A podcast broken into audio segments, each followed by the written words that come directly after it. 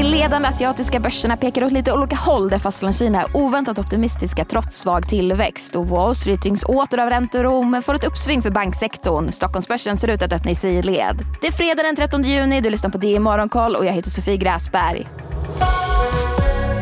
Ja, börserna i Fastlandskina är oväntat optimistiska och stiger närmare 1% trots att PMI åter för tredje månaden i rad kommer in under tillväxtgränsen på 50. I Tokyo däremot backar börserna efter att ny data visat att inflationen i Tokyoområdet fortsatt ligger över Bank of Japans mål.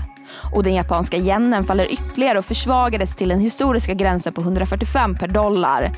Landets finansminister säger att han kommer att vidta lämpliga åtgärder om yenen försvagas ytterligare. Och det var något blandat på New York-börserna som åter tyngdes av ränteoro.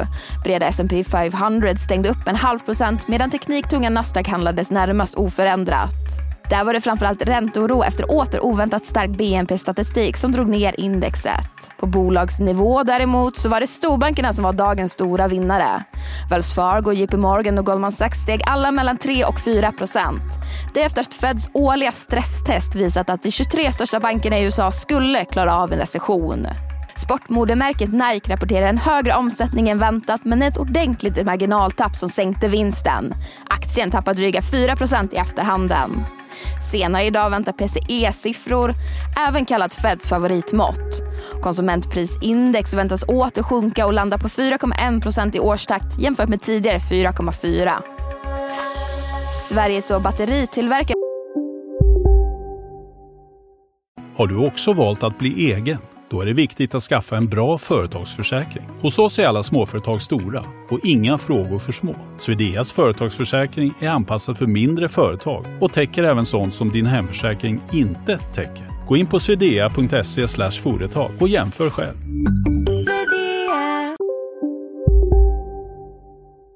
Northvolt är nära att teckna avtal med att bygga en batterifabrik för elbilar nära Montreal i Kanada i ett projekt värt närmare 6 miljarder kronor, det skriver Bloomberg.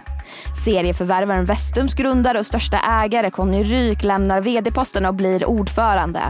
Ersättare blir medgrundaren Simon Göthberg. Och BOG säljer dotterbolag för att minska skulderna. Det är grundaren av dotterbolaget som kommer köpa drygt 20% av aktierna genom ett annat bolag. Efter affären minskar BOG skulderna med nära en halv miljard kronor. Renewcell avser genomföra en riktad nyemission av aktier på cirka 200 miljoner kronor.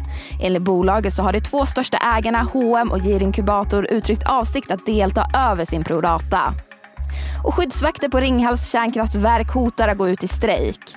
Arbetsgivaren försöker bromsa strejken men har ingen laglig rätt att förbjuda den. Om blickar ut i Europa. EU-ledarna gav på torsdagen kommissionen i uppdrag att ta fram förslag på frysta ryska tillgångar ska betala för återuppbyggnaden av Ukraina. Bland alternativen som diskuteras finns att använda avkastningen från tillgångarna eller åtminstone att beskatta avkastningen. Och så kommer vi få lite bättre koll på euroområdets ekonomiska utveckling senare idag. Inflationen i euroområdet väntas sjunka i årstakt till 5,6 procent från tidigare 6,1. Samtidigt väntas arbetslösheten i området ligga kvar oförändrad på 6,5 procent. Men det var allt för den här nyhetsuppdateringen. Missa inte Börsmorgon som idag är extra lång sändning från Almedalen med start kvart i nio. Eller lyssna på programmet som podd. Vi släpper avsnittet klockan 11. Det är Morgonkollet tillbaka igen på måndag. Jag heter Sofie Gräsberg.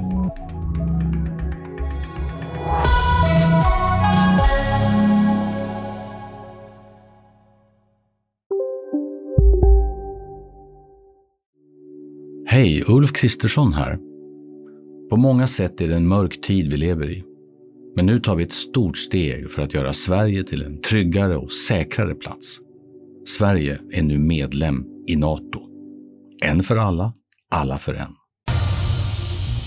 Expressen gör varje vecka podden Politikrummet där vi djupdyker i det senaste och viktigaste inom svensk politik. Med mig, Filippa Rogvall, som programledare tillsammans med mina vassa kollegor. Och det är ju ni som heter Thomas Nordenskjöld, Anette Holmqvist och Viktor Bartkron. Politikrummet kommer med ett nytt avsnitt varje tisdag. Vi hörs.